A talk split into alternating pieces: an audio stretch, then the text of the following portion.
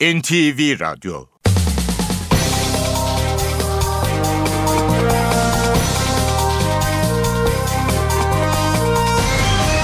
İşe Giderken Mutlu sabahlar. Ben Aynur Altunkaş. Bugün 2 Ocak 2014 Perşembe. Saat 9'a kadar Türkiye ve dünya gündemine yakından bakacağız. Ayrıntılara geçmeden önce başlıklarla başlayalım. Hakimler Savcılar Yüksek Kurulu bugün yapacağı toplantıda yolsuzluk soruşturmasını yürüten savcılar ve başsavcı arasındaki karşılıklı suçlamaları görüşecek. Tutuklu vekiller sorununa çözüm aranıyor. AK Parti, CHP ve BDP grup başkan vekilleri bugün bir araya gelerek yasal ya da anayasal değişiklik yapılması konusunda karar verecek. MHP düzenlemeye sıcak bakmıyor. Meclis dışından İçişleri Bakanlığı'na atanan Efkan Ala bugün mecliste yemin edecek. Hatay'ın Kırıkan ilçesinde durdurulan bir tırda yüklü miktarda mühimmat bulunduğu öne sürüldü. Üç kişinin gözaltına alındığı olayın bir ihbar üzerine ortaya çıktığı belirtildi. Irak'ın Ramadi kentinde orduyla El-Kaide militanları arasındaki çatışmalar yoğunlaştı. Kentteki bir şantiyede çalışan 75 Türk işçi mahsur kaldı. Meteorolojiden Muğla ve ilçeleri için sel ve su baskını uyarısı yapıldı. 17 Kasım'da koşulan 35. Vodafone İstanbul Maratonu'nda erkeklerde birinci olan Kenya asıllı Fransız atlet dopingli çıktı. Üniversiteye girişte ilk aşama olan yüksek öğretime geçiş sınavı için müracaatlar bugün başlıyor. İşe giderken gazetelerin gündemi.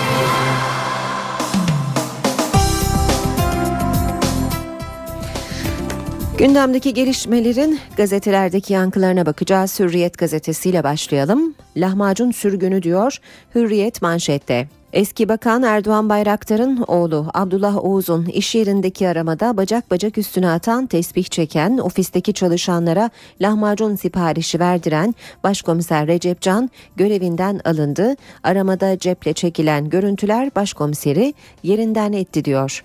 Hürriyet gazetesi manşette. Bir başka başlık Sapanlı teyze gezi olsun yine giderim dedi diyor Hürriyet. Taksim'deki Sapanlı görüntüsüyle gezi olaylarının sembol isimlerinden olan 53 yaşındaki Emine Cansever cezaevinden çıktıktan sonra Hürriyet gazetesine konuşmuş. Gezi sadece iki ağaç değildi, haksızlığa ve adaletsizliğe isyandı, yine olsun yine giderim demiş. Devam edelim Hürriyet gazetesinden bir diğer başlıkla çay içtim yazdım. Burhan Kuzu yeni yılın ilk dakikalarında Twitter'dan Erdoğan'a sunulan raporla ilgili önemli bilgiler paylaştı. Tweetler karşısında e, şaşıranlara da siyah çay içtim yanıtını verdi. Zamlara uyandık diyor Hürriyet. E, bu haber birçok gazetede birinci sayfada. Özellikle otomobil, sigara, içki ve yurt dışından alınan cep telefonlarına gelen vergi artışları can yakacak diyor Hürriyet. Milliyette manşetinde zamlar dört koldan geliyor demiş. Alkollü içkiler, tütün mamulleri, cep telefonları ve otomobiller e, diye başlıkları var haberin. Maktu vergi alkollü içkilerde %10, birada %15 arttı. Zam oranı %8 ile 15 arasında değişecek. 70'lik rakı artık 57 ila 58 liradan satılacak. Tütün mamullerinde maktu vergisi seyyanen artırıldı. Fiyatlar %3,5-4 yükselecek. Bu da 50 kuruşla 1 lira arasında zam anlamına geliyor. Cep telefonlarında adet başına uygulanan 100 liralık vergi 120 liraya yükseltildi. Telefonlardaki toplam vergi oranı %47'ye ulaştı. Otomobillere gelince 1600 cc'ye kadar ÖTV %40'tan 45'e çıktı. Fiyatlar %3,5 ile 3,6 arasında artacak. 44.450 liradan satılan dizel fiyat e, dizel e, fiyat fiyat Liena Linea'nın e, fiyatı 46 bin lirayı bulacak diyor. Milliyet gazetesi örnek olarak e, fiyattan söz ediyor e, haberde. E, birkaç araba e, modeli ve markasına ilişkinde yeni fiyatları da e, görüyoruz Milliyet gazetesinde. Bir diğer başlıkta şaka gibi diyor Facebook'ta uyuyan polislerin fotoğrafına define için geziyorlarmış esprisi yapan Kayahan O'ya hakaret suçundan bir yıl hapis verildi. Ankara'da yaşayan Kayahan O, Facebook'ta paylaşılan ve ekip otosunda uyuyan isimsiz polisleri gösteren fotoğrafa yorum yazdı.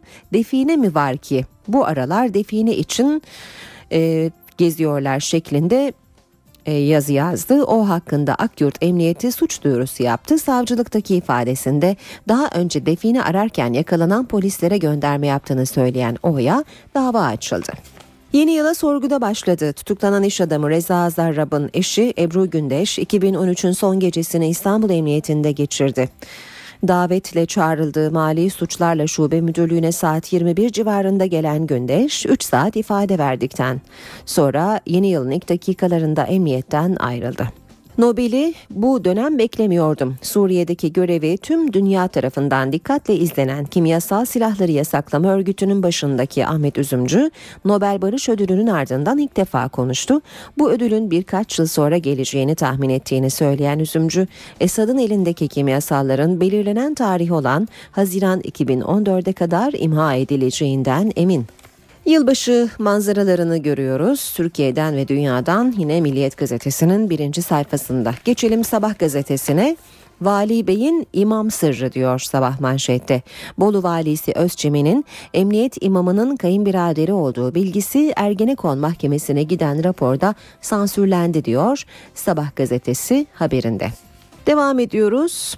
Yılın ilk gezisi Uzak Doğu'ya başlığıyla Başbakan Erdoğan 5-11 Ocak arasında Japonya, Singapur ve Malezya'yı ziyaret edecek. Japonya'da yeni TürkSat uydusunun yapılacağı merkezi de gezecek olan Erdoğan'a Malezya'da Fahri Doktora unvanı verilecek. Erdoğan 2013'te 27 ülkeyi ziyaret etti. Kat ettiği 225 bin kilometre 6 dünya turuna eşit diyor.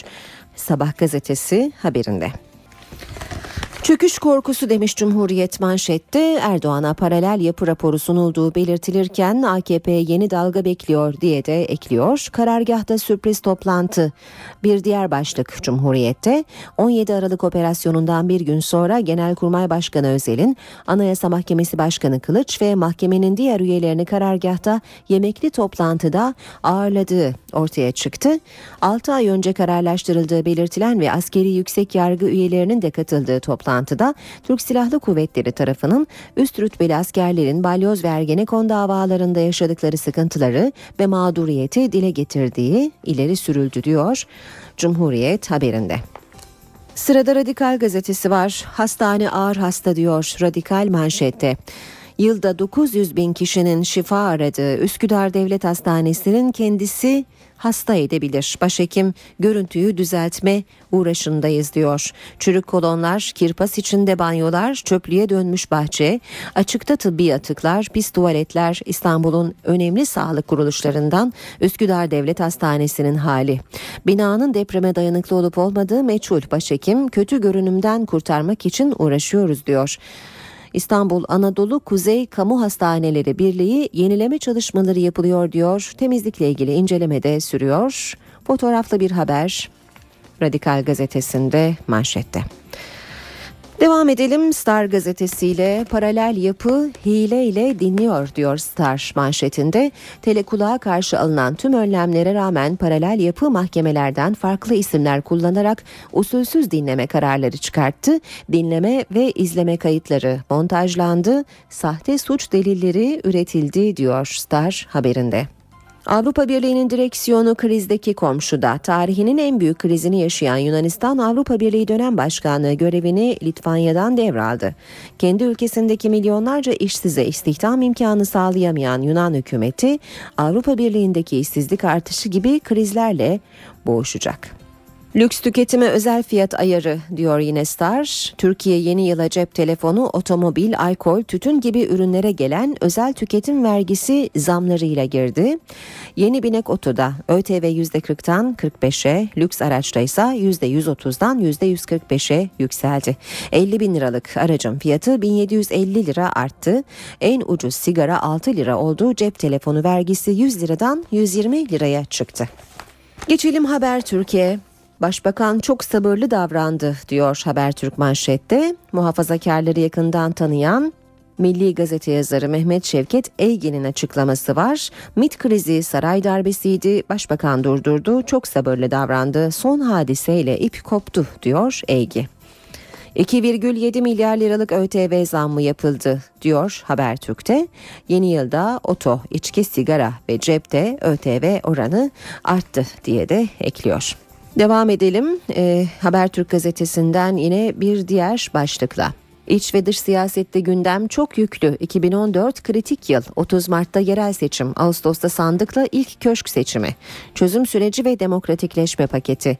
Ergenekon ve şike davası için Yargıtay kararları ve dış gündemden Mısır, Suriye, Kuzey Irak açılımı diye özetliyor. 2014 yılının e, beklenen gelişmelerini Habertürk gazetesi.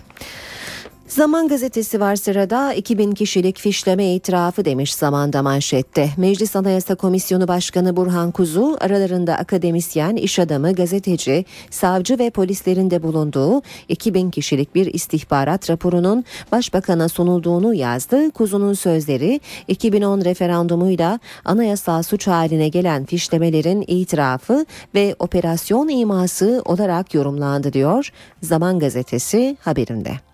Fikirtepe suç yuvası oldu. Bir diğer başlık kentsel dönüşüm süreci yılan hikayesine dönen Fikir e, Kadıköy Fikirtepe mahallesi suç yuvası haline geldi. Mahallede yıkılmayan ve terk edilmiş halde bulunan 5000'e yakın bina evsizlerin barınağı oldu. Tenhalaşan mahalledeki binaları mesken tutan tinerciler evlere girip yangın çıkarıyor. İtfaiye yetkililerine göre haftada en az 2-3 evin yandığı mahallede köhnemiş evlerin doğalgaz, elektrik ve su bağlantıları bağlantılarının açıkta bulunması facialara davetiye çıkarıyor.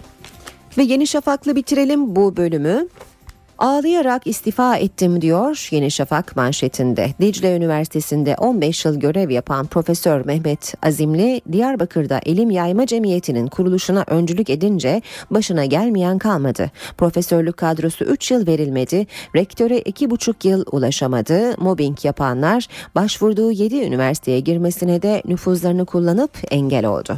12'den vuranlar askerlik süresinin 12 aya indirilmesiyle kışlalarda erken tesi, terhisler sürüyor. Planladıkları tarihten daha erken ailelerine kavuşacak olan askerler birliklerinden ayrılırken hüzünle sevinci bir arada yaşıyor. Kimi valiz atma ritüeliyle uğurlanırken kimi de arkadaşlarına sarılarak veda etti. Saat 7.18 NTV Radyo'da işe giderken de gündeme yakından bakmaya başlayalım. Hatay'ın Kırıkhan ilçesinde durdurulan bir tırda yüklü miktarda mühimmat bulunduğu öne sürüldü. Durumun İl Jandarma Komutanlığı'na yapılan ihbar üzerine ortaya çıktığı belirtildi. Tır Kırıkhan ilçesinde Güzelce Karakolu yakınlarında durduruldu. Tırda gıda malzemesi arasına gizlenmiş yüklü miktarda mühimmat bulunduğu ve 3 kişinin gözaltına alındığı öne sürüldü. Söz konusu tırın insani yardım Vakfı'na ait olduğu iddia edildi ama vakıftan bu iddiaya yalanlama geldi. Bölgede vakfa ait herhangi bir aracın bulunmadığı belirtildi. Ayrıca İl Jandarma Komutanlığı avukatlarımıza insani yardım vakfı ile ilgili bir bilgi olmadığını bildirmiştir denildi. Mühimmat yüklü tır iddiası ile ilgili ise henüz resmi bir açıklama yapılmadı. Irak'ın Ramadi kentinde Irak ordusu ve aşiretlerin desteklediği El-Kaide militanları arasında yoğun çatışmalar yaşanıyor. Ramadi'deki bir şantiyede çalışan 75 Türk işçinin çatışma bölgesinde mahsur kaldığı gelen bilgiler arasında. Türk işçiler sosyal medya üzerinden zor durumda olduklarını ve çatışmaların yaşandığı bölgeden tahliye edilmek istediklerini duyurdu.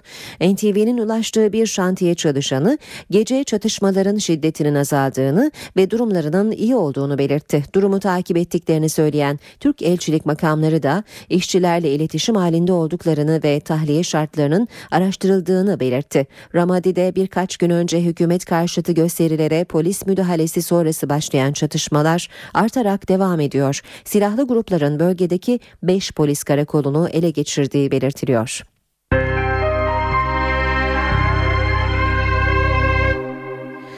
Hakimler ve Savcılar Yüksek Kurulu bugün yargıda yaşanan soruşturma gerilimi gündemiyle toplanıyor. Toplantıda yolsuzluk soruşturmasını yürüten savcılar ve başsavcı arasındaki karşılıklı suçlamalar görüşülecek. Hakimler ve Savcılar Yüksek Kurulu toplanacak. Toplantıda yolsuzluk ve rüşvet operasyonu sonrasında yargıda yaşanan gerilim değerlendirilecek. Soruşturmayı yürüten savcılar Zekeriya Öz ve Muammer Akkaş'la İstanbul Cumhuriyet Başsavcısı Turan Çolakkad arasında geçen karşılıklı suçlamalar mercek altına alınacak. Zekeriya Öz ve Muammer Akkaş usulsüz soruşturma yürütmek, Turan Çolakkadı ve terörden sorumlu Başsavcı Vekili Oktay Erdoğan ise soruşturmayı engellemekle suçlanıyor. Kurul ayrıca İstanbul Emniyet Müdürü Selami Altınok hakkındaki soruşturmayı karartma iddialarını da değerlendirecek. Toplantının ardından HSYK 3. Dairesi iddialar hakkında soruşturma izni verilip verilmeyeceğine karara bağlayacak. Soruşturma izni çıkarsa HSYK müfettişleri iddiaları inceleyip rapor hazırlamak üzere göreve başlayacak. O raporda disiplin cezası verilmesi istenirse dosya ikinci daireye gidecek. Disiplin cezası verilip verilmeyeceğine ise bu daire karar verecek. Başbakan Tayyip Erdoğan'ın devletin içinde paralel devlet açıklamasıyla gündeme gelen tartışma Meclis Anayasa Komisyonu Başkanı AKP'li Burhan Kuzu da katıldı tartışmaya. Başbakan Erdoğan'a 2000 kişilik istihbarat raporu sunulduğunu belirten Kuzu bu bilgiyi Twitter'dan paylaştı. NTV'nin sorularını yanıtlayan Kuzu bir gazetenin manşetinden yola çıkarak bu bilgiyi verdiğini belirtti. Burhan Kuzu tarikatlara mensup kişilerin devlet içinde olmasından rahatsızlık duymayacaklarını ama tarikatları menfaatine çalışmaları halinde buna izin verilmeyeceğini belirtti. Akşam gazetesinin vermiş olduğu bir manşet.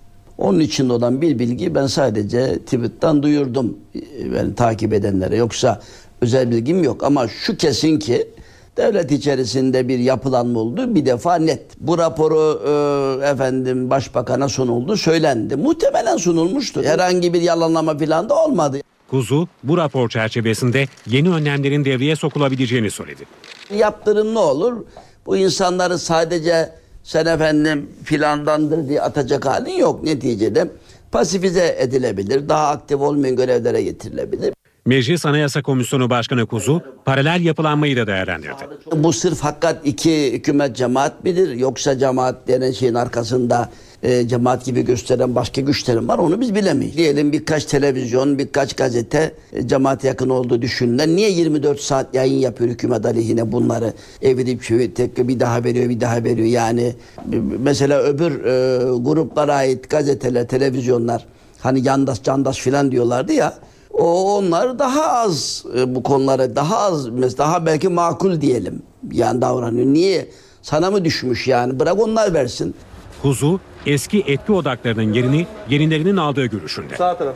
2010'dan itibaren vesayetten yargı vesayetidir, ulusalcı belli bir bölümün kanadının ağır basmasıdır filan gibi bunlardan e, tam kurtulduk derken bu sefer başka bir yapılanma devleti e, efendim sıkıntıya sokmaya başladı.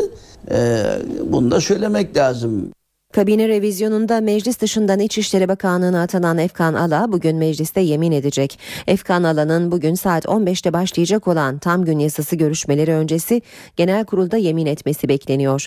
Milletvekili olmayan Ala'nın anayasa ve meclis iç tüzüğü gereği mecliste yemin etmesi gerekiyor. Efkan Ala yemininin ardından yasama dokunulmazlığını da elde etmiş olacak.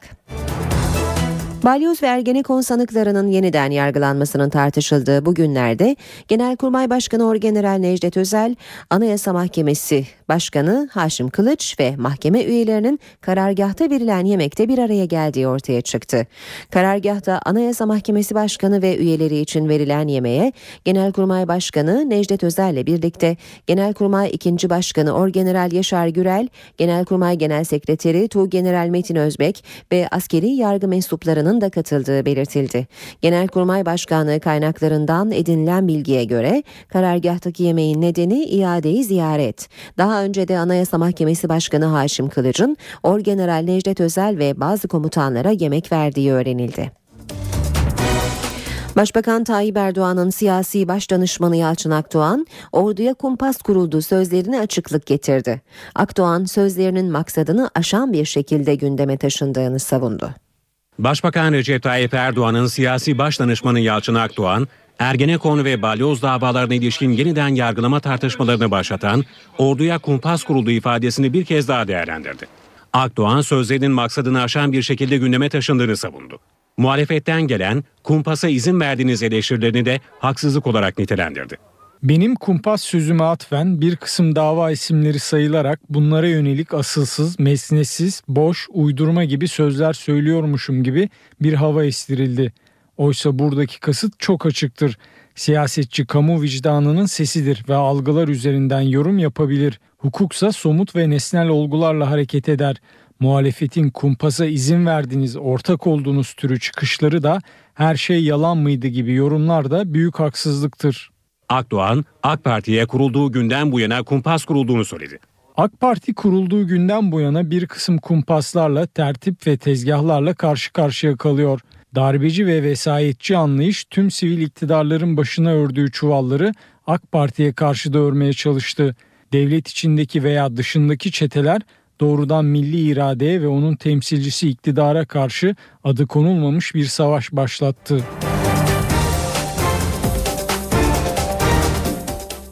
Tutuklu vekiller sorununa çözüm aranıyor. Bugün gözler mecliste olacak. AK Parti, CHP ve BDP grup başkan vekilleri çözüm için bir araya gelecek. Anayasal ya da yasal düzenleme için düğmeye basılabilir. Meclis, tutuklu milletvekillerinin tahliyesi için çözüm arıyor. AK Parti, CHP ve BDP grup başkan vekilleri çözüm için bir araya geliyor. CHP İzmir Milletvekili Mustafa Balbay'ın tahliyesinin ardından diğer tutuklu vekillerle ilgili mahkemeden çıkan kararlar beklentiler doğrultusunda olmadı. 4 BDP'li ve bir bağımsız milletvekilinin tahliye talebi reddedildi. Üç maymunu mu oynuyorsunuz? Sizden Hayır bu kadar siz ve bu meclis başkanı olarak meclis başkanı olarak halkın iradesine yapılan bu saldırıyla ilgili bir tavır ortaya koymak zorundasınız. 2014 yılı bütçesi üzerindeki son görüşmeler sırasında BDP'nin talebine hükümetten gelen olumlu yanıt yeni bir girişime yol açtı. Dört siyasi parti bence bu konuda Sayın Bahçeli de izin verirlerse grup başkan vekillerimiz lütfen bir araya gelsinler. Biz de hükümet olarak bu konu üzerinde çalışalım ve eğer bir yasal düzenleme gerekiyorsa en kısa zamanda gerçekleştirelim. Hukuksuzluğu ve adaletsizliği ortadan kaldıralım. Grup başkan vekilleri tutuklu milletvekilleri için yasal ya da anayasal değişiklik yapılması ile ilgili karar verecek. MHP ise düzenlemeye sıcak bakmıyor. Onlar kendileri çalıp kendileri oynayacaklar AKP, CHP ve BDP. Biz milletimizin yolunda devam edeceğiz. Anayasal değişiklik gerekirse yasama dokunulmazlığını düzenleyen 83. maddede düzenleme yapılması bekleniyor. BDP ise sorunun çözümü için anayasa değişikliğine gerek olmadığı görüşünde. Eski İçişleri Bakanı Muammer Güler, yolsuzluk operasyonunda tutuklanan oğlu Barış Güler'i cezaevinde ziyaret etti. Dün öğle saatlerinde sivil plakalı bir araçla Metris cezaevine gelen Muammer Güler, oğlu Barış Güler'le yaklaşık bir saat görüştü. Eski İçişleri Bakanı görüşme sonrasında açıklama yapmadan cezaevinden ayrıldı. Muammer Güler'in oğlu Barış Güler, 17 Aralık'taki operasyon sonrası tutuklanmıştı. Yolsuzluk ve rüşvet operasyonu kapsamında 17 Aralık'ta gözaltına alınan ve tutuklanan Rıza Sarraf'ın eşi Ebru Gündeş ifade verdi. 31 Aralık gecesi İstanbul Emniyet Müdürlüğü'nde ifade veren Ebru Gündeş ve abiyi Cengiz Kumar Taşlıoğlu'na Sarraf'la yaptıkları bazı telefon konuşmaları soruldu. Ebru Gündeş ve abiyi ifade verdikten sonra emniyetten ayrıldı. Rıza Sarraf 17 Aralık tarihinde gözaltına alındıktan sonra tutuklanarak cezaevine gönderilmişti. Rüşvet ve yolsuzluk operasyonunda tutuklanan Sarraf'ın arkasındaki isim olduğu iddia edilen İranlı iş adamı Babek Zencani'nin kefaletle serbest kalma talebi reddedildi. İran'ın resmi haber ajansı İRNA haberi adli bir yetkiliye dayandırdı. Haberde Zencani'nin kefalet ödeyerek serbest kalmasının mümkün olmadığı belirtildi. Üç gün önce tutuklanarak Tahran'da cezaevine konulan ünlü milyardere yöneltilen suçlamalar konusunda adli makamlar hala resmi bir açıklama açıklamada bulunmadı. İran medyası ise Zencani'nin petrol satışından devlete olan 2 milyar euronun üzerindeki borcunu ödemediğini, rüşvet vererek ödendiğine dair sahte belgeler düzenlediği için tutuklandığını ileri sürüyor. Hakimler Savcılar Yüksek Kurulu bugün yapacağı toplantıda yolsuzluk soruşturmasını yürüten savcılar ve başsavcı arasındaki karşılıklı suçlamaları görüşecek. Tutuklu vekiller sorununa çözüm aranıyor. AK Parti, CHP ve BDP grup başkan vekilleri bugün bir araya gelerek yasal ya da anayasal değişiklik yapılması konusunda karar verecek. MHP düzenlemeye sıcak bakmıyor. Meclis dışından İçişleri Bakanlığı'na atanan Efkan Ala bugün mecliste yemin edecek. Hatay'ın Kırıkhan ilçesinde durdurulan bir tırda yüklü miktarda mühimmat bulunduğu öne sürüldü. Üç kişinin gözaltına alındığı olayın bir ihbar üzerine ortaya çıktığı belirtildi. Irak'ın Ramadi kentinde orduyla El-Kaide militanları arasındaki çatışmalar yoğunlaştı. Kentteki bir şantiyede çalışan 75 Türk işçi mahsur kaldı. Meteorolojiden Muğla ve ilçeleri için sel ve su baskını uyarısı yapıldı. 17 Kasım'da koşulan 35. Vodafone İstanbul Maratonu'nda erkeklerde birinci olan Kenya asıllı Fransız atlet dopingli çıktı. Üniversiteye girişte ilk aşama olan yüksek öğretime geçiş sınavı için müracaatlar bugün başlıyor. Gündeme yakından bakmaya devam edelim işe giderken de. Meteoroloji Muğla ve ilçeleri için sel ve su baskını uyarısı yaptı. Meteoroloji Genel Müdürlüğü Muğla ve çevresinde sabah saatlerinde başlayacak olan şiddetli yağış nedeniyle uyarı uyarıda bulundu. Marmaris, Datça, Bodrum ve Ula ilçelerinde yaşanabilecek sel ve su baskını için vatandaşların dikkatli olmaları istendi. Mısır'da darbe karşıtı gösterileri takip ederken gözaltına alındıktan yaklaşık 4 ay sonra serbest bırakılan gazeteci Metin Turan dün akşam İstanbul'a döndü. Turan havalimanında Mısır'da tanık olduğu şiddeti anlattı. Türkiye'den, dünyanın her bir tarafından herkes Twitter olsun, sosyal medyada bana dua etmişler. Onlara tek tek, tek teşekkür ediyorum. Onların sayesinde ben de zaten 4 ay nasıl sabrettim ben de bilmiyorum. Ailenle buluşacaksın şimdi. Evet şu an işte İstanbul'dan İzmir'e gideceğim. Anneme göreceğim. TRT muhabiri Metin Turan 5 ay sonra Türkiye'ye döndü. Turan, İstanbul Atatürk Havalimanı'nda Mısır'da yaşadığı zor günleri anlattı. Camide büyük bir gösteri vardı. O gösteriyi takip için gitmiştik. Camiye girdik. Birden tabii kapılar kapandı. Dışarıda olaylar yaşandı. Haydutlar ve asker polis birden saldırılar oldu. Patlamalar olunca biz de dışarıya çıkamadık. Baltacılar denilen kişiler bana bir tane yumruk vurdular. Ama tabii o yumruk burnumu kanattı. Bayağı da e, sarsıldık ama daha fecisi olabilirdi. Turan'ın tutuklu Türk vatandaşları için de bir çağrısı vardı. Ve orada iki tane kardeşimiz var. Ee, birisi öğrenci, birisi iş adamı. Ee, biri Emre, birisi de Reşat. İnşallah onların en kısa zamanda kurtulmasını e, tutsaklar. Metin Turan 17 Ağustos'ta darbe karşıtı gösterileri izlerken gözaltına alınmıştı. Turan, Türkiye'nin girişimleri sonrasında 8 Aralık'ta serbest bırakılmıştı. Muğla'da cumartesi günü meydana gelen kazada bir tiyatro grubunu taşıyan minibüs kaza yaptı. Kazada birçok dizi ve sinema projesinde yer alan 26 yaşındaki Huban Öztoprak da ağır yaralandı. Genç oyuncu 5 gündür yaşam mücadelesi veriyor.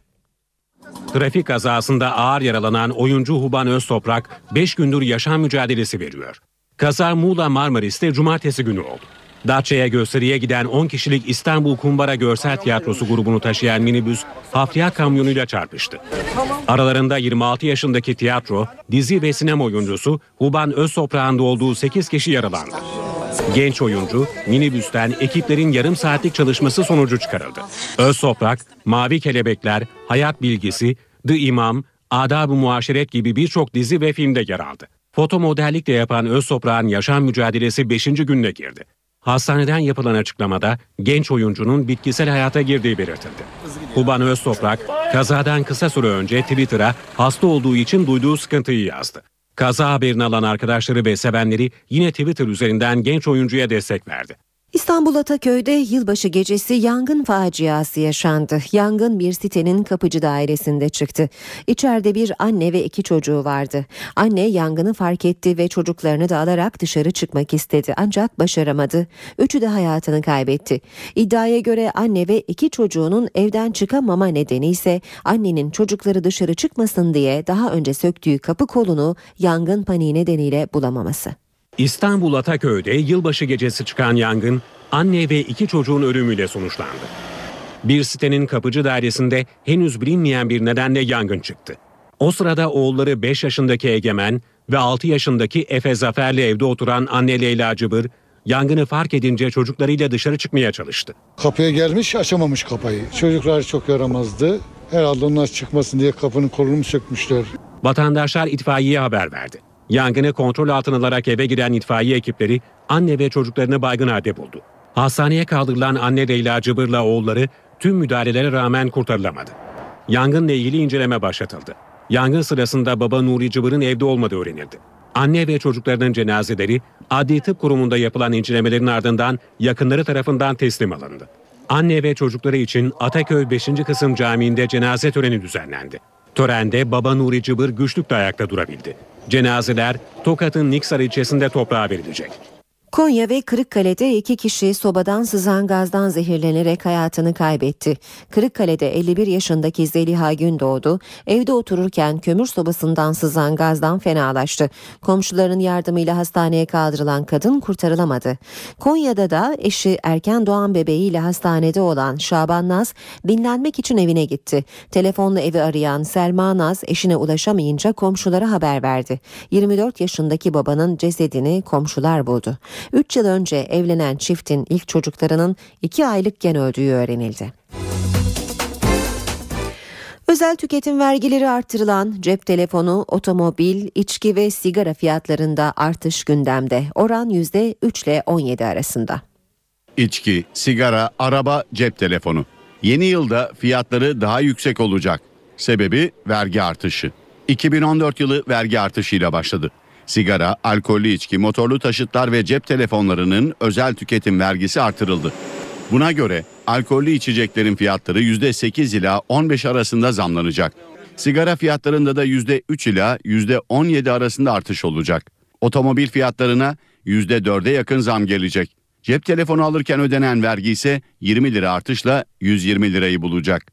Motor silindir hacmi 1600 cm3'ü geçmeyen araçların özel tüketim vergisi %40'tan 45'e çıktı.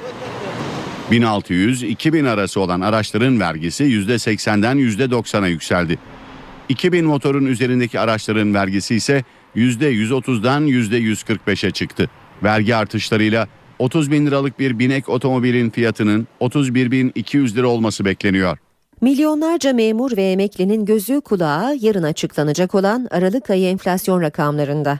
Memur ve memur emeklileri Aralık ayı enflasyonu %0,19'u geçerse küçük oranlarda da olsa eksam alacak. İşçi ve esnaf emeklilerinin maaşı ise 2013'ün ikinci 6 ayındaki enflasyon kadar artacak.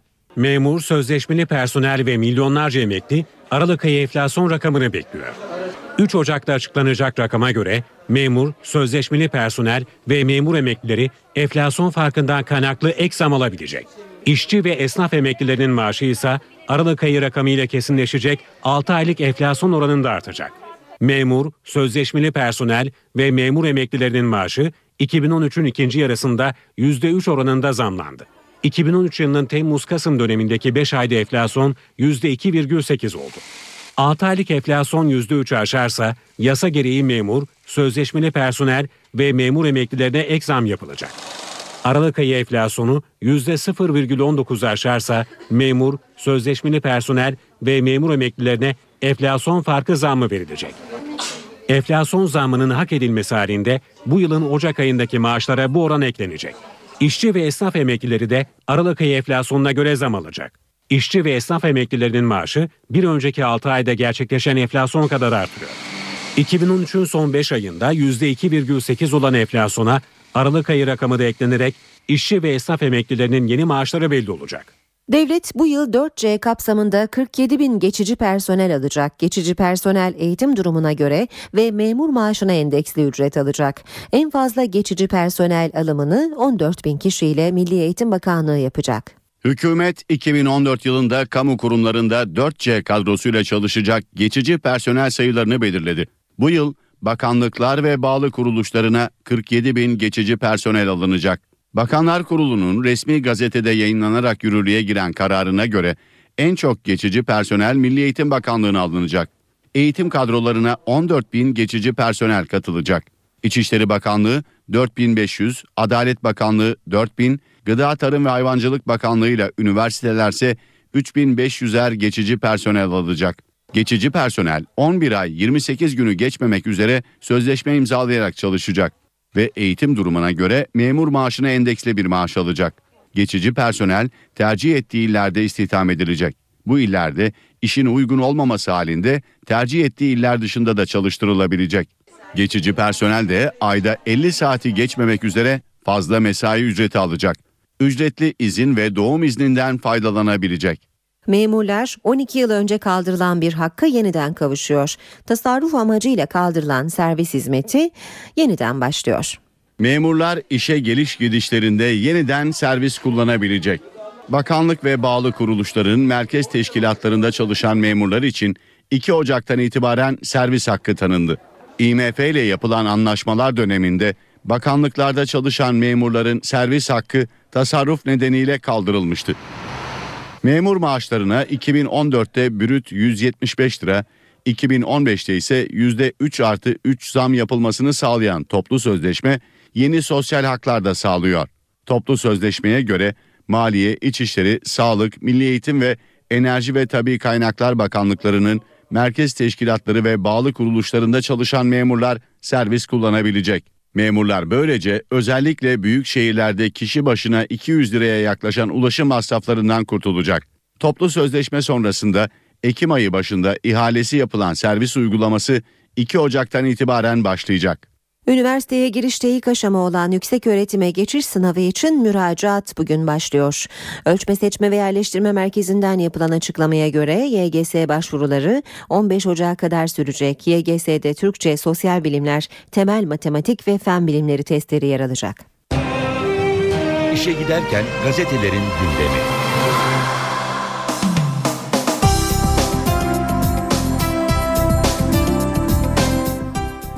Şimdi gazetelerden spor haberleri okuyacağız. Fanatikle başlayalım. Sürmanşeti Ronaldin, e, Ronaldinho adım adım Kartal'a. Yılan hikayesine dönmüş Beşiktaşlılar umudu kesmeye başlamıştı. Ancak Ronaldinho'da önceki gün öyle bir gelişme yaşandı ki taraftar 2014'ü heyecanla karşıladı. Sözleşmesi sona eren Brezilya'nın menajerliğini de yapan abi Asis'in görüşmeleri yürüten Ahmet Nur Çebi ile buluşmasının ayrıntıları ortaya çıkmaya başladı. Buna göre normal şartlarda 4 Ocak'ta gelmesi beklenirken yılbaşı günü İstanbul'a ayak basan Asis son kararını öğrenmek için Beşiktaş'ın kapısını çaldı. Sambacı'nın abiyi yıllık 6 milyon euroda ısrar ederken hem euronun hızlı tırmanışı hem de sponsor arayışlarını öne süren Beşiktaş yönetimi Ronaldinho kararı için süre talep etti. 3 milyon euroyu finanse edebilen yönetim kalanı sponsorlar, ürün satışı ve yönetici katkısıyla tamamlayıp sezonun en büyük bombasını patlatmakta kararlı. Fanatikten bir diğer başlık manşette rakiplerin kabusu olacağım. Fenerbahçe'nin gol silahı Emenike yeni yılın ilk röportajını Fanatik'e vermiş. Geride bıraktığımız senede bir takım sıkıntılarım oldu. Benden beklentiler büyüktü ancak ilk yarının sonuna doğru tüm bunları aştım. Gollerime ikinci yarıda da devam edeceğim ve sarı lacivertli formayla ilk lig şampiyonluğumu yaşayacağım. Cimbomlulara müjde Drogba imzaya hazır. Muslera ile yeni sözleşme için görüşmeleri resmen başlayan yönetim taraftara bir güzel haber daha vermek için düğmeye bastı. Başkan Ünal Aysal'ın bizzat görüşeceği Drogba'nın imzaya hazırım mesajını verdiği öğrenildi. Geçelim AMK gazetesine. Sıradaki yıldız Ceko. Cimbom, Grasshoppers forması giyen Boşnak Yıldız'la anlaştı. İzzet Hayrovic, Türk pasaportu alırsa hemen resmi imza attırılacak. Galatasaray'ın bir sonraki hedefi ise yine bir Bosnalı. Aslan Haziran ayında Manchester City'li ünlü golcü Edin Dzeko'yu renklerine bağlayacak. 2013'ün en iyisi Fenerbahçe diyor AMK gazetesi rakamlarla. E, rakamlarla Fenerbahçe değerlendirmesi var. İlk yarıdaki performansını değerlendiriyor haber Sarı Lacivertlerin 57 maç, 34 galibiyet, 10 beraberlik, 13 mağlubiyet. Foto maçla devam edelim. Arda'ya kavuşacak. Galatasaray Arda'ya kavuşacak diyor fotomaç manşette. Başkan Ünal Aysal Yıldız futbolcuyu şimdi olmasa bile sezon sonunda mutlaka yuvaya geri döndürmek istiyor. Aysal Atletico Madrid'i ikna etmek için gerekirse kesenin ağzını iyice açacak. Ronaldinho Beşiktaş'tan haber bekliyor diyor Fotomaç gazetesi de. Az önce aktardık ayrıntıları Fanatik gazetesinden. Tarık Kartal kaptı bir başka başlık. Beşiktaş'tan flash transfer Galatasaray'ın peşinde olduğu, Galatasaray'ın da peşinde olduğu e, genç oyuncu Tarık Çamdal Beşiktaş'ın 4 yıllık teklifini kabul etti deniyor haberin ayrıntılarında. Robinho fırtınası transferde büyük bir bomba patlatmayı hedefleyen Trabzonspor, Cardozo'dan sonra bir başka süper yıldız Robinho'ya da kancayı taktı. Yönetim Milan'da forma giyen Brezilyalı golcü için menajerinden randevu istedi. Görüşme her an gerçekleşebilir. Spor haberleri aktarmaya Milliyet Gazetesi ile devam edelim. Okuyacağımız ilk başlık Juventus bizi hayata bağladı. Roberto Mancini'nin yardımcılarıyla birlikte hazırladığı ilk yarı raporundaki birbirinden çarpıcı bilgiler diyerek şöyle sıralıyor Milliyet gazetesi. İstanbul'da kazandığımız Juventus maçı bizi gerçek anlamda hayata bağladı. Bu karşılaşmayla birlikte kendimizi ispat ettik. Ligin ilk yarısını zirvede bitirmeyi hedeflemiştik ama özellikle Gençler Birliği ve Kasımpaşa maçlarında şanssızlık yaşadık. Yabancı futbolcu statüsü nedeniyle sistem ve kadro üzerinde sürekli değişiklik yaptık. Geçiş dönemini iyi bir şekilde geride bıraktık. Yine Milliyet gazetesinden okuyalım.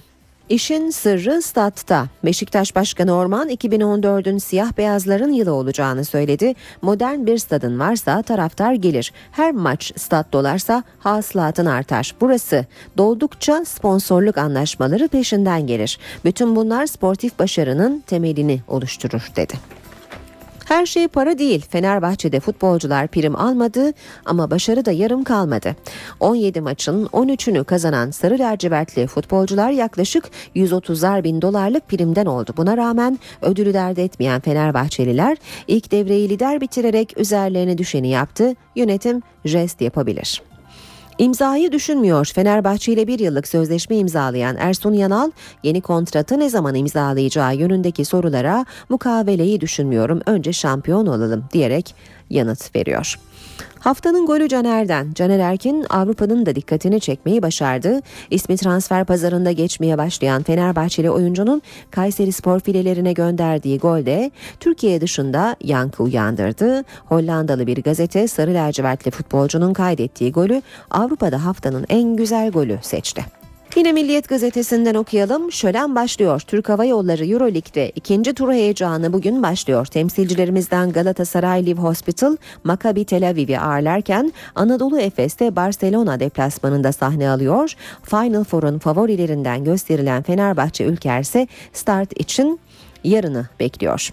Türkiye'nin 3 takımla temsil edildiği Turkish Airlines Euroleague'de ikinci tur bugün başlayacak. F grubunda mücadele eden temsilcimiz Galatasaray Live Hospital ilk maçında İsrail'in Maccabi Tel Aviv takımını ağırlayacak. Maç 20'de başlayacak. NTV e, Smart Spor'dan yayınlanacak. Bir diğer karşılaşma E grubunda Anadolu Efes ile Barcelona arasında olacak. Türkiye saatiyle 21.45'te başlayacak maç NTV Spor'dan ekrana gelecek. Spor haberleri aktarmaya devam edelim. Sırada Hürriyet gazetesi var. Okuyacağımız ilk haberin başlığı Tek rakibimiz Türk Hava Yolları. Lütfi Arıboğan nefes almadan koştukları bir yıl boyunca büyük işler başardıklarını söyledi. Dünyada en çok tanınan Türk markaları Galatasaray, Türk Hava Yolları ve İstanbul. Sarı Kırmızılı Kulübün İcra Kurulu Başkanı Lütfi Arıboğan, Türkiye dışında ülkemiz adına bilinirliği en yüksek markalardan biri olduklarını anlatırken geride kalan yılda birçok ilki gerçekleştirdiklerini söyledi.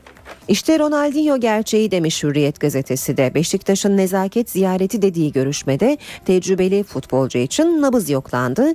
Dev bir transfer bilmecesi. ikinci başkan Ahmet Nur Çebi önce Brezilyalı'nın menajeriyle yalnız görüşmek istedi. Ancak toplantıya futbol direktörü Özen de katıldı. 7 milyondan kapı açan abi Asis Ronaldinho için 6 milyon euroya indi. Çebi de kulübün belirlediği 3 milyon euroyu 4'e çıkardı. Ronaldinho'nun bugün son kararı vereceği öğrenilirken edilirken kulübe yakın kaynaklar cuma günü imzalar atılacak iddiasını ortaya attı. Hürriyet gazetesinden aktarıyoruz. Bir taşla iki kuş. Fenerbahçe hem kolejlinin tapusun, kolejinin tapusunu alıyor hem de üniversitesini kuruyor. Kayış Dağı'ndaki araziyi satın almak için maliyeyle 50 milyon liraya anlaşan Sarı Lacivertler buranın tapusunu YÖK'e teminat olarak gösterip Fenerbahçe Üniversitesi önündeki en önemli sorunu da çözecek deniyor haberde.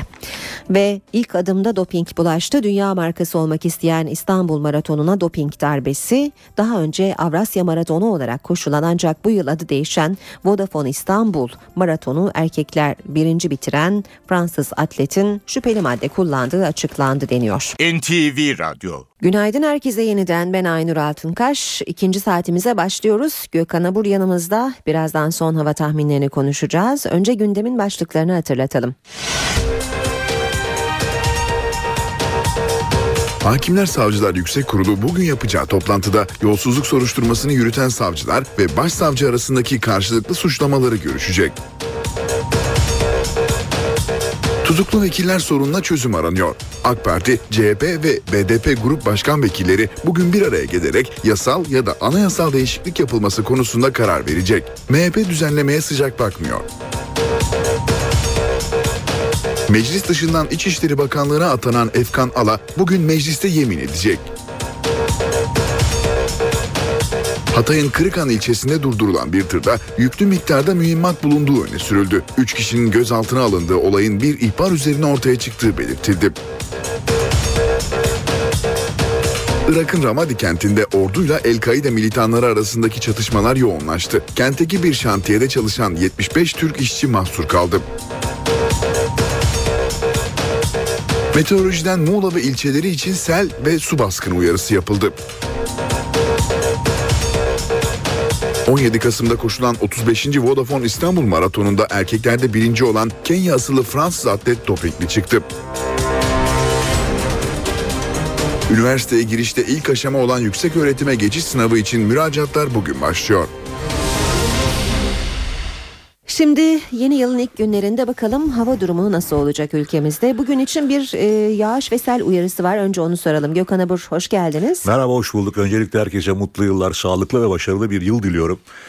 Ee, evet. Muğla'da e, aşırı yağışlar, sel ve su baskını riski mi e, taşıyor? Ne dersiniz? Ee, dün akşam başladı yağışlar. Şu an itibariyle sağanak yağışlar devam ediyor. İzmir'den başlayarak Güney Ege'de yağış var ama çok yoğun bir bulut kümesi Ege üzerinden e, yaklaşmasını sürdürüyor. Dolayısıyla öğle saatlerine itibaren özellikle e, şu anda Kuşadası'nda kuvvetli ama Bodrum Marmaris arasında daha kuvvetli olmak üzere Muğla merkeze doğru yağışlar etkili olacak ve güneyli rüzgarlar e, Bodrum'da yine öğle saatlerine itibaren yaklaşık 45-50 kilometre hızla esecek bir keşişleme var. Fethiye Körfezi'nde rüzgar çok kuvvetli ve yağışlar Güney Ege'den Batı Akdeniz'e doğru ilerleyecek. Şu anda hemen hemen Ege'nin tümünde hafif de olsa yağış devam ediyor. Kuzeyde ise Marmara bölgesinde öğle saatlerine itibaren Balıkesir, Çanakkale, Bursa arasındaki bölgede hafif yağış geçişi bekliyoruz. İstanbul'da çok bulutlu bir hava var.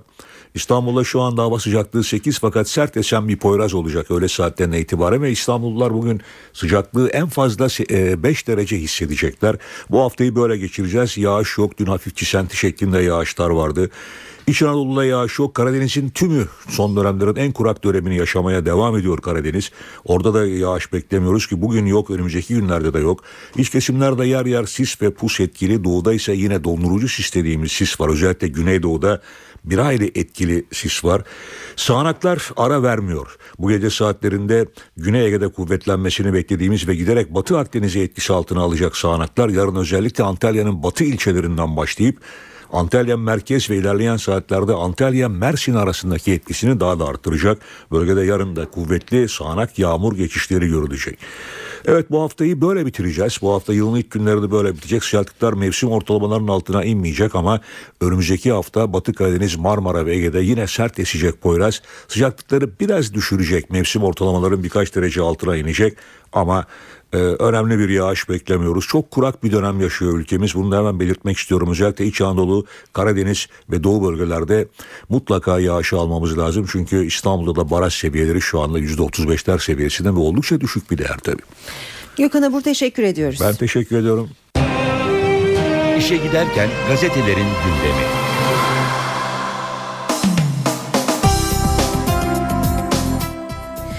Bir manşet turu yapacağız şimdi. Hürriyet gazetesiyle başlayalım. Lahmacun sürgünü diyor Hürriyet. Aramada ceple çekilen görüntüler başkomiseri yerinden etti.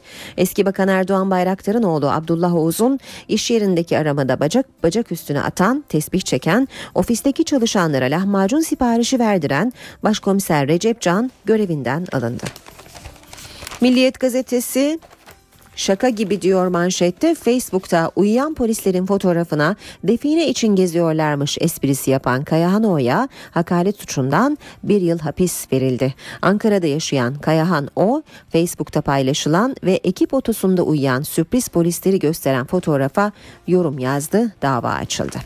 Yine milliyetten bir başlık zamlar dört koldan geliyor. Alkollü içkiler, tütün mamulleri, cep telefonları ve otomobillerdeki ÖTV artışına yer veriyor. Ayrıntılı olarak Milliyet gazetesi Alkollü içkilerde %8 ile 15 arasında, tütün mamullerinde 3,5 ile 4 arasında, cep telefonlarında %47'de, e, otomobillerde de %45'e varan ÖTV artışlarından söz ediyor Milliyet.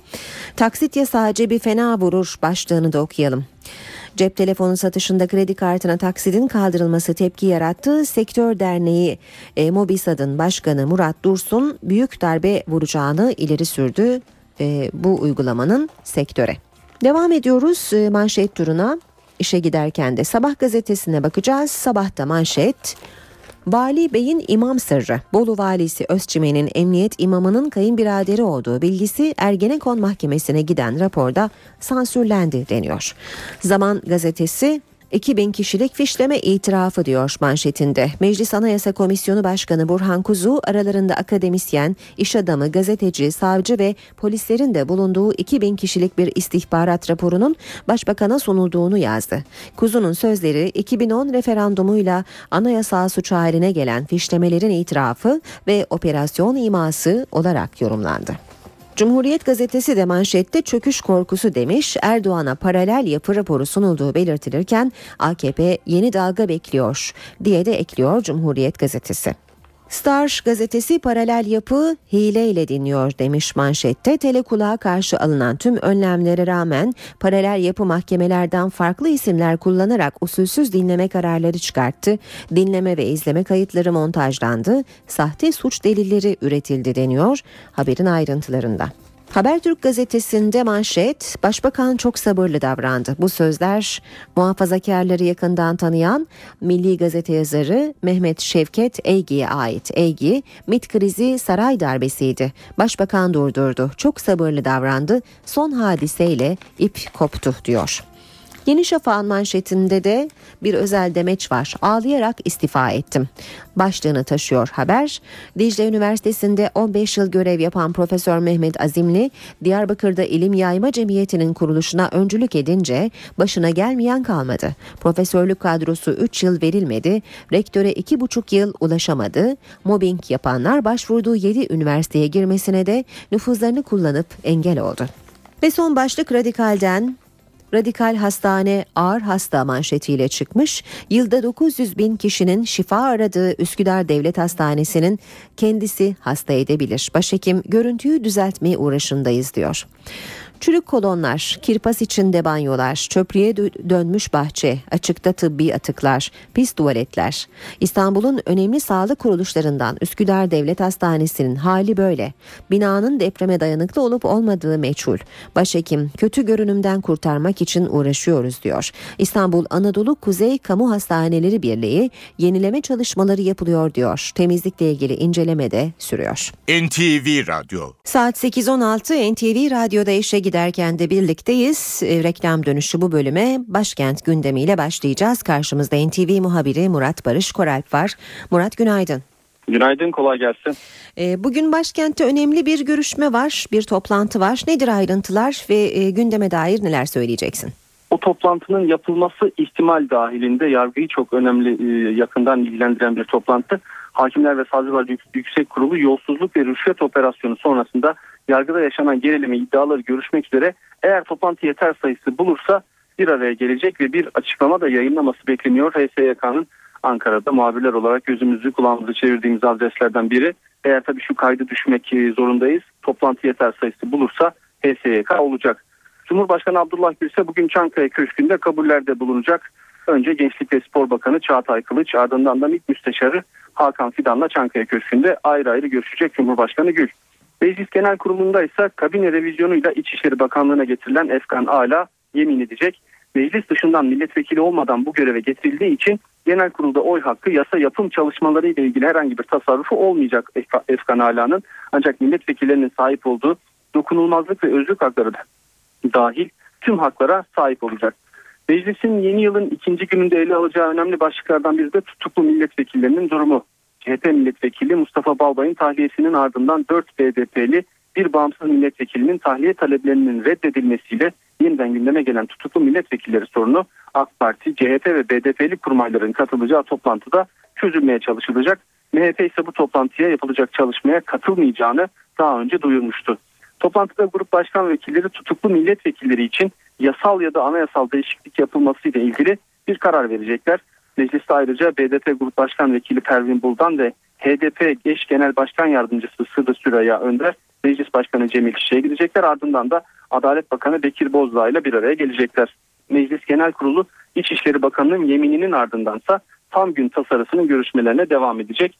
Bütçe maratonu başlamadan ilk bölümü kabul edilmişti. İkinci bölümün görüşmelerinin de Cuma gününe kadar devam etmesi bekleniyor. Tasarı sağlık alanında önemli düzenlemeler de içeriyor. Buna göre profesör ve doçentler mesai dışında özel hastane ve vakıf üniversitelerinin sahip olduğu hastanelerde çalışabilecek. Sağlık personeline yönelik kasten yaralama suçu tutuklama nedenleri arasına alınacak bu tasarıyla birlikte. Rutin gündeme de kısaca göz atalım. Bugün ekonomi ve ticareti yakından ilgilendiren iki toplantı var Ankara'da. MÜSİAD genişletilmiş başkanlar toplantısı Başbakan Yardımcısı Ali Babacan'ın katılımıyla gerçekleşirken Ekonomi Bakanı Nihat Zeybekçi'nin katılacağı Türkiye İhracatçılar Meclisi, Meclisi toplantısında Aralık ayı ihracat rakamları açıklanacak. Enerji Bakanı Taner Yıldız 2013 yılı değerlendirmesi ve 2014 hedefleriyle ilgili saat 9.30'da bir basın toplantısı düzenleyecek. Avrupa Birliği Bakanı ve Baş Müzakereci Mevlüt Çavuşoğlu Yunanistan'ın Ankara Büyükelçisini kabul ediyor olacak ve bugün memurlar açısından önemli bir gün onu da hatırlatmakta fayda var. Memurlar 12 yıl önce kaldırılan bir hakka yeniden kavuşuyorlar bugün itibariyle. Tasarruf amacıyla kaldırılan servis hizmeti bugünden itibaren yeniden başlayacak memurlar açısından. Ankara'nın gündemini kısaca böyle özetleyebiliriz. Murat teşekkür ediyoruz kolay gelsin.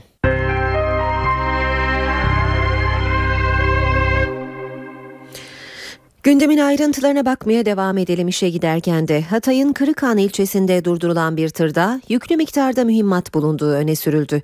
Durumun İl Jandarma Komutanlığı'na yapılan ihbar üzerine ortaya çıktığı belirtildi. Tır Kırıkhan ilçesinde Güzelce Karakolu yakınlarında durduruldu. Tırda gıda malzemesi arasına gizlenmiş yüklü miktarda mühimmat bulunduğu ve 3 kişinin gözaltına alındığı öne sürüldü. Söz konusu tırın İnsani Yardım Vakfı'na ait olduğu iddia edildi ama vakıftan bu iddiaya yalan anlama geldi. Bölgede İnsani Yardım Vakfı'na ait herhangi bir aracın bulunmadığı belirtildi.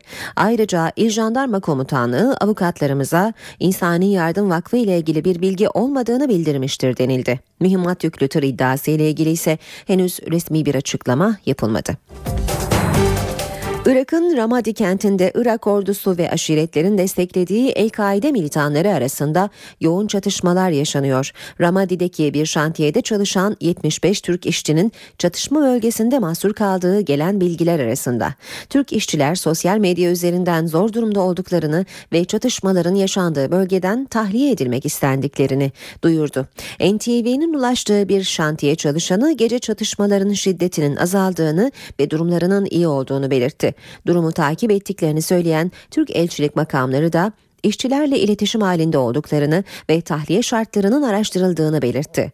Ramadi'de birkaç gün önce hükümet karşıtı gösterilere polis müdahalesi sonrası başlayan çatışmalar artarak devam ediyor. Silahlı grupların bölgedeki 5 polis karakolunu ele geçirdiği belirtiliyor. Başbakan Tayyip Erdoğan'ın devletin içinde paralel devlet açıklamasıyla gündeme gelen tartışmaya Meclis Anayasa Komisyonu Başkanı AKP'li Burhan Kuzu da katıldı. Başbakan Erdoğan'a 2000 kişilik istihbarat raporu sunulduğunu belirten Kuzu bu bilgiyi Twitter'dan paylaştı. NTV'nin sorularını yanıtlayan Kuzu bir gazetenin manşetinden yola çıkarak bu bilgiyi verdiğini belirtti. Burhan Kuzu tarikatlara mensup kişilerin devlet içinde olmasından rahatsızlık duymayacaklarını ama tarikatların menfaatine çalışmaları halinde buna izin verilmeyeceğini belirtti. Akşam gazetesinin vermiş olduğu bir manşet. Onun içinde olan bir bilgi ben sadece Twitter'dan duyurdum yani takip edenlere. Yoksa özel bilgim yok ama şu kesin ki devlet içerisinde bir yapılanma oldu bir defa net. Bu raporu e, efendim başbakana sunuldu söylendi. Muhtemelen sunulmuştu. Herhangi bir yalanlama falan da olmadı. Kuzu bu rapor çerçevesinde yeni önlemlerin devreye sokulabileceğini söyledi. Yaptırım ne olur? Bu insanları sadece sen efendim filandandır diye atacak halin yok neticede. Pasifize edilebilir, daha aktif olmayan görevlere getirilebilir. Meclis Anayasa Komisyonu Başkanı Kuzu paralel yapılanmayı da değerlendirdi. Bu sırf hakikat iki hükümet cemaat midir yoksa cemaat denen şeyin arkasında e, cemaat gibi gösteren başka güçlerim var onu biz bilemeyiz. Diyelim birkaç televizyon, birkaç gazete e, cemaate yakın olduğu düşünülen niye 24 saat yayın yapıyor hükümet aleyhine bunları evirip çevirip tek bir daha veriyor bir daha veriyor yani e, mesela öbür e, gruplara ait gazeteler, televizyonlar hani yandaş candaş filan diyorlardı ya onlar daha az e, bu konulara daha az mes- daha belki makul diyelim yani davranıyor. Niye? Sana mı düşmüş yani? Bırak onlar versin. Kuzu eski etki odaklarının yerini yenilerinin aldığı görüşünde. 2010'dan itibaren vesayetten yargı vesayetidir, ulusalcı belli bir bölümün kanadının ağır basmasıdır filan gibi bunlardan e, tam kurtulduk derken bu sefer başka bir yapılanma devleti e, efendim sıkıntıya sokmaya başladı. E, bunu da söylemek lazım. Uzun dönem askerlik süresinin kısalmasıyla erken terhisler başladı. 6 aylık kısa dönem askerlerin ise kışlalarda geçirdiği sürenin 12 gün uzadığı ortaya çıktı.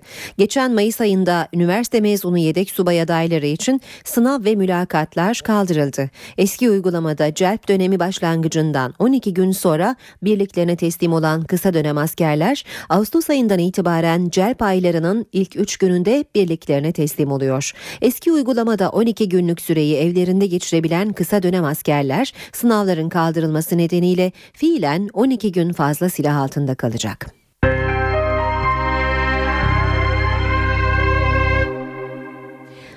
Geçen yıl hurdaya çıkarılan araçlar ekonomiye 58 milyon lira gelir getirdi. Geri dönüşümle elde edilen malzemenin miktarı 3200 tonu buldu. 2013 yılında 10.560 araç hurdaya ayrıldı. Hurda araçlardan ekonomiye sağlanan katkı ise 58 milyon lira. Açıklama Çevre ve Şehircilik Bakanı İdris Güllüce'den geldi. Güllüce hükümetin hurda araç teşviği çalışmaları kapsamında geçtiğimiz yıl 10.560 aracın hurdaya ayrıldığını bildirdi. Bu araçlar bakanlıktan çevre lisansı veya Çevre ve Şehircilik İl Müdürlüğü'nden teslim yeri izni almış tesislere veriliyor ve geri dönüşüm işlemlerine tabi tutuluyor. Hurdaya ayrılan araçlardan 3200 tonluk malzeme tekrar kullanıldı. 1850 ton metal ve plastik geri kazanıldı. Özel tüketim vergileri artırılan cep telefonu, otomobil, içki ve sigara fiyatlarında artış gündemde. Oran %3 ile 17 arasında. İçki, sigara, araba, cep telefonu. Yeni yılda fiyatları daha yüksek olacak. Sebebi vergi artışı. 2014 yılı vergi artışıyla başladı. Sigara, alkollü içki, motorlu taşıtlar ve cep telefonlarının özel tüketim vergisi artırıldı. Buna göre alkollü içeceklerin fiyatları %8 ila 15 arasında zamlanacak. Sigara fiyatlarında da %3 ila %17 arasında artış olacak. Otomobil fiyatlarına %4'e yakın zam gelecek. Cep telefonu alırken ödenen vergi ise 20 lira artışla 120 lirayı bulacak. Motor silindir hacmi 1600 santimetre kübü geçmeyen araçların özel tüketim vergisi %40'tan 45'e çıktı. 1600-2000 arası olan araçların vergisi %80'den %90'a yükseldi. 2000 motorun üzerindeki araçların vergisi ise %130'dan %145'e çıktı. Vergi artışlarıyla 30 bin liralık bir binek otomobilin fiyatının 31.200 lira olması bekleniyor. Ekonomi Bakanı Nihat Zeybekçi, Türkiye ekonomisinin 3 misli büyüyeceğini açıkladı. Dünyanın en büyük 10 ekonomisinden biri olacağız dedi. Dünya milletler topluluğundaki o medeniyete doğru yürüyüşünü daha yeni başladı. Yeni daha çıktık biz bu yola. Henüz 10 yılda Türkiye'nin milli gelirini 3 kat artırdık. Ama önümüzdeki dönemde bir 3 kat daha artıracağız 10 yılda. Türkiye'miz 3 misli daha büyüyecek. Her alanda, her yerde. Türkiye'miz dünyanın en büyük 10 ekonomisinden birisi olacak. Avrupa'nın 3 büyük ekonomisinden birisi olacak Türkiye. Ve bunu da 2023'te yapacağız. 2023'e kadar yapacağız. Şimdi piyasalara bakacağız. Borsada 2014'ün ilk seansı bugün yapılacak. BIST 100 endeksi yılın son gününde %0,27 düşerek 67.802 puandan kapandı. Endeks 2013'ün tamamında da %13,3 değer kaybetmiş oldu. Kurda ise toparlanma kısa sürdü. Döviz yeniden yönünü yukarı çevirdi. Bu sabah dolar 2.15 euro 2.96'dan işlem görüyor. Euro dolar paritesi 1.38, dolar yen 105 savaş düzeyinde. Altının onsu 1227 dolar, Brent petrolün varili 111 dolar. Hakimler Savcılar Yüksek Kurulu bugün yapacağı toplantıda yolsuzluk soruşturmasını yürüten savcılar ve başsavcı arasındaki karşılıklı suçlamaları görüşecek. Tutuklu vekiller sorununa çözüm aranıyor. AK Parti, CHP ve BDP grup başkan vekilleri bugün bir araya gelerek yasal ya da anayasal değişiklik yapılması konusunda karar verecek. MHP düzenlemeye sıcak bakmıyor. Meclis dışından İçişleri Bakanlığı'na atanan Efkan Ala bugün mecliste yemin edecek. Hatay'ın Kırıkan ilçesinde durdurulan bir tırda yüklü miktarda mühimmat bulunduğu öne sürüldü. Üç kişinin gözaltına alındığı olayın bir ihbar üzerine ortaya çıktığı belirtildi.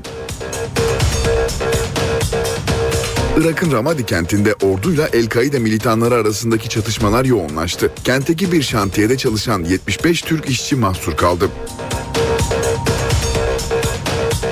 Meteorolojiden Muğla ve ilçeleri için sel ve su baskını uyarısı yapıldı. 17 Kasım'da koşulan 35. Vodafone İstanbul Maratonu'nda erkeklerde birinci olan Kenya asıllı Fransız atlet dopingli çıktı.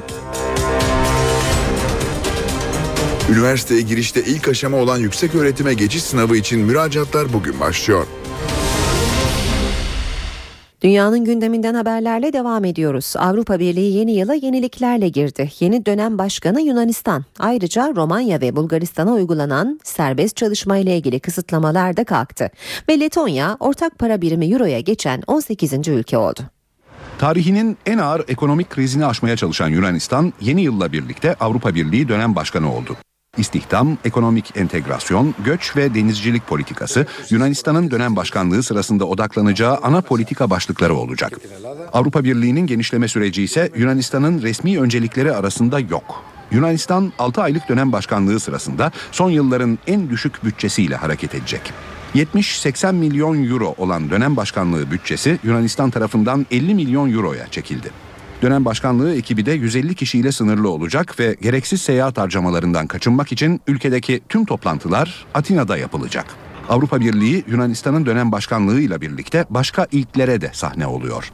Avrupa Birliği üye oldukları 2007'den bu yana Bulgaristan ve Romanya vatandaşlarına uyguladığı işçilerin serbest dolaşımı ile ilgili kısıtlamaları yeni yılla birlikte kaldırdı. Ancak bazı Avrupa ülkeleri kısıtlamaların kalkmasıyla birlikte Bulgaristan ve Romanya'dan işçi akınıyla karşılaşmaktan endişe ediyor. Yeni yılla birlikte ortak para birimi Euro bölgesi de genişledi. 2004'te birliğe katılan Letonya, Euro bölgesine dahil olan 18. ülke oldu. Letonya Başbakanı Valdis Dombrovskis yılın ilk dakikalarında bankamatikten Euro çekerek kutlamaları başlattı. 2014 İngiltere için de önemli bir yıl. Zira Eylül'de İskoçya'da Büyük Britanya'dan ayrılmak için referandum yapılacak. Durum böyle olunca İngiltere Başbakanı David Cameron da yeni yıla girerken İskoçlara seslendi. Bizimle kalmanızı istiyoruz dedi. 1707'den bu yana devam eden birlikteliğin sonuna mı geliniyor? İngiltere'yi çok yakından ilgilendiren bu soru 2014'te cevap bulacak. 18 Eylül'de İskoçya'da yapılacak referandumla ülkenin Büyük Britanya ile yoluna devam edip etmeyeceği netlik kazanacak. Durum böyle olunca İngiltere Başbakanı David Cameron da 2014 mesajını bu konuya ayırdı. Yeni yıla girerken havai fişek gösterilerinin yapıldığı sırada Cameron İskoçyalılara hitaben ayrılmak değil birlikte yaşamak istiyoruz dedi. 2014 Birleşik Krallığımız için önemli bir tarih. Referandumla İskoçya tarihindeki en büyük kararı verecek. Sonuç hepimizi ilgilendiriyor. Ülkemizi sonsuza kadar değiştirebilecek bir karar. Galler, Kuzey İrlanda ve İskoçya'daki herkese mesajımız ulaşsın. Kalmanızı istiyoruz. Çocuklarımız için birlikte daha güçlü bir Birleşik Krallık kurabiliriz. İskoçya'nın özgürlük mücadelesi beyaz perdeye de konu olmuştu. Mel Gibson'ın yönettiği ve başrolünü oynadığı 1995 yapımı Braveheart Cesur Yürek filmi 5 dalda Oscar kazanmıştı. Rusya Devlet Başkanı Vladimir Putin'in yeni yıl mesajında terörle mücadele konusu öne çıktı. Teröristler imha edilene kadar savaşa devam edeceğiz diyen Putin, yeni yılın ilk saatlerinde 35 kişinin bombalı saldırılarda yaşamını yitirdiği Volgograd kentindeydi. Eminim ki teröristlerle savaşımız onlar tamamen imha edilene kadar şiddetle devam edecek. Rusya Devlet Başkanı Vladimir Putin'in yeni yıl mesajında terörle mücadele vardı. Yeni yılın ilk saatlerinde soluğu geçen hafta iki intihar saldırısında 35 kişinin hayatını kaybettiği Volgograd kentinde aldı. İkinci saldırının gerçekleştirildiği yere çiçek bırakan Putin, daha sonra saldırılarda yaralananları ziyaret etti. Rusya Devlet Başkanı kentte güvenlik yetkilileriyle de bir araya geldi. Burada işlenen cinayetler için daha fazla yoruma gerek yok.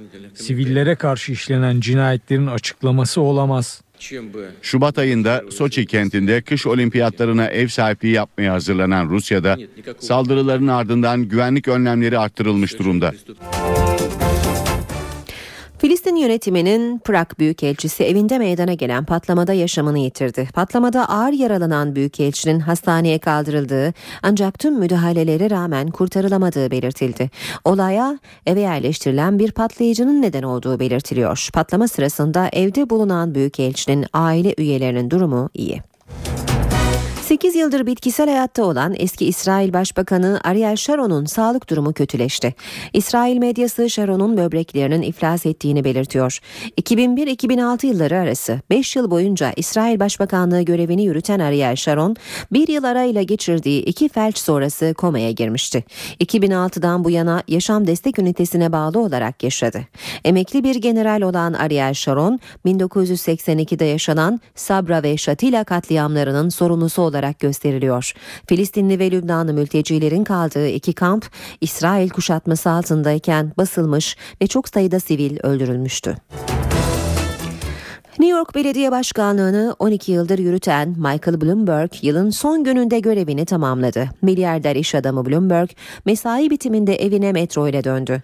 Bloomberg belediye binasından da alkışlarla ayrıldı. Metro kartıyla turnikelerden geçen Bloomberg New Yorklularla sohbet etti ve fotoğraf çektirdi. New Yorklular aktarma yaptığı istasyonda da Cumhuriyetçi Bloomberg'e hizmetlerinden dolayı teşekkür etti. Yardımcısı ve bazı korumalarının da eşlik ettiği Bloomberg indiği istasyondan evine kadar yürümeyi tercih etti. Bloomberg finansal haber servisinin kurucusu, kurucusu ve 18 milyar dolarlık kişisel servetiyle de Amerika'nın en zengin 8. ismi. New York Belediye Başkanlığı görevini ise Kasım ayında yapılan seçimi kazanan Demokrat Bill de Blasio üstlendi. Yeni yıl kutlamaları bir dünya rekoruna da sahne oldu. Birleşik Arap Emirlikleri'nin Dubai kentinde kutlamalar sırasında tam 400 bin havai fişek atıldı, gökyüzü aydınlandı. Petrol zengini Dubai kenti yeni yıl kutlamalarıyla yeni bir dünya rekorunun da sahibi oldu. Harcamadan kaçmayan Dubai yönetimi 2014'e girerken büyük bir organizasyonla tam 400 bin havai fişek patlattı. Birçok farklı noktadan eş zamanlı atılan havai fişekler gökyüzünü aydınlattı. Yeni yıla Dubai'de girenler bu anı ölümsüzleştirmek için çaba harcadı. Doğrusu nereye bakacağımı şaşırdım. Gerçekten inanılmazdı. Ne söyleyeceğimi bilemiyorum. Bu insanın hayatı boyunca bir kez yaşayabileceği bir şeydi. Burada olmaktan gerçekten mutluyum. Dünyanın en büyük havai fişek gösterisi tam 6 dakika sürdü. Guinness yetkilileri de bu ana tanıklık ederek dünya rekoru belgesini Dubai'li yetkililere teslim etti. Rekor daha önce bağımsızlık yıl dönümünde 77 bin havai fişek patlatan Kuveyt'e aitti. Kayak yaparken düşüp başını bir kaya parçasına çarpan Formula 1'in efsanevi şampiyonu Michael Schumacher hala komada. Dünya basını Schumacher'in kaldığı hastane önünde kamp kurmuş durumda. Basın mensuplarından birinin rahip kılına girerek hastaneye sızmaya çalıştığı da ortaya çıktı. Fransa'da kayak yaparken kaza geçiren eski Formula 1 şampiyonu Michael Schumacher yaşam mücadelesini sürdürüyor. Schumacher'in basın sözcüsü komada tutulan sporcunun sağlık durumunun stabil olduğunu açıkladı. Bu iyi bir haber diyen sözcü, kritik aşamanın henüz aşılamadığına da dikkat çekti. İkinci ameliyatın ardından doktorlar Schumacher'in durumunda az da olsa bir iyileşme yaşandığını duyurmuştu. Schumacher'in tedavi gördüğü Grenoble Hastanesi'nde ise şaşkınlık yaratan bir olay yaşandı. Hastane önünde kamp kuran medya mensuplarından birinin rahip kılığına girerek Schumacher'in yattığı odaya girmek istediği ortaya çıktı. Güvenlik görevlileri bana rahip kılığında bir kişinin Schumacher'e yaklaşmaya çalıştığını söyledi. Bu kişi yakalandı. Bu yüzden medya çalışanlarına doktorları engellememeleri ve Schumacher ailesini rahatsız etmemeleri ricasında bulunuyorum. 7 kez Formula 1 şampiyonu olan Schumacher Fransa'da kayak yaparken başını kayalıklara çarpmış ve ağır yaralanmıştı. 44 yaşındaki Michael Schumacher tüm zamanların en başarılı Formula 1 pilotu olarak kabul ediliyor. 19 yıllık kariyerinde 91 yarış kazanan Schumacher geçen yıl pistlere veda etmişti. Spordan bir haberle yeniden yurda dönelim. 17 Kasım'da koşulan 35. Vodafone İstanbul Maratonu'nda erkeklerde birinci olan Kenya asıllı Fransız atlet dopingli çıktı. Abraham Kiprotic'in dopingli çıkması yarışmadaki sıralamayı değiştirecek. Bu nedenle organizasyon komitesi dereceye giren yarışmacılara para ödüllerinin ödemesini durdurdu.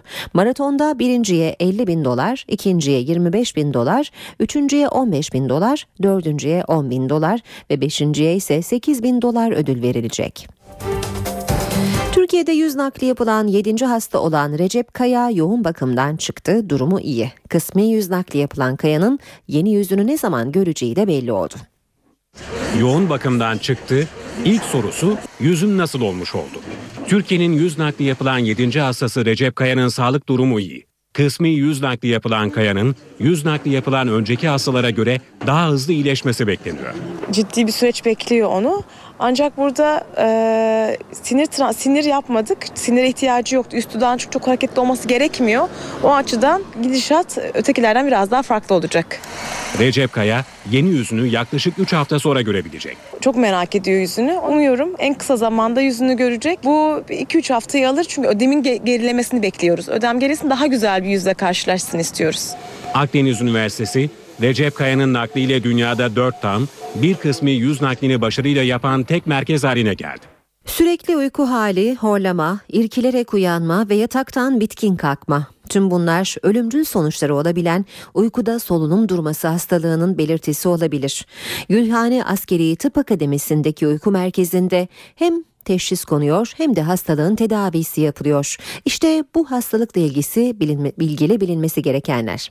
Pek çok çiftin gecelerini kabusa çeviren horlama çok ciddi bir hastalığın uykuda solunum durmasının en belirgin özelliği olabilir. Şişman insanlar, horlayan insanlar, gündüz uykuluk hali sürekli olan insanlar sıklıkla bu hastalığa adaylar. Özellikle boyun çapı artmışsa ya da üst beden kilosu fazlaysa uykuda solunum durmasına adaydırlar diyebilirim. Uykuda 1 saat içinde 50 ila 10 kez ve 10 saniyeden fazla sürelerde solunumun durması bu hastalığın adaylarını uyurken ölümün eşiğine taşıyor. Teşhiste yol gösterense hastaların kendisinden çok yanı başında yatanların anlattıkları. Üstelik uykuda solunum durması pek çok ciddi hastalığı da beraberinde getiriyor. Eşinin gece kolayca uyuduğunu, horlama sırasında geçici solunum durduğunu, hatta soluksuz kaldığında panik içinde kaldıklarını ve sallayarak uyandırmak zorunda kaldıklarını ölecek korkusu içinde diyen bir hikayeyi bize taşıyorlar. Uykuda solunum durmasıyla birlikte %30-50 hipertansiyon vardır. O sırada inme dediğimiz felç olayı %45-90'dır ve bu hastalık öldürücüdür. Gülhane Askeri Tıp Akademisi Türkiye'nin sayılı uyku merkezlerinden birine sahip ve uyku apnesi sorunu yaşayanlar için merkez hem teşhis hem tedavi imkanı sunuyor. Hastaların uzmanlar gözetiminde uyutulduğu testlerde uyku fazları, göz, solunum ve kalp hareketleri izleniyor, oksijen basıncı ölçülüyor. Tedavi için en etkili yöntem küçük dil ve bademciye yönelik cerrahi operasyon ya da uykuda kullanılan ağız içi aparatlar ve maske sistemleri. Bu haberle işe giderken sona erdi. Hoşçakalın. NTV Radyo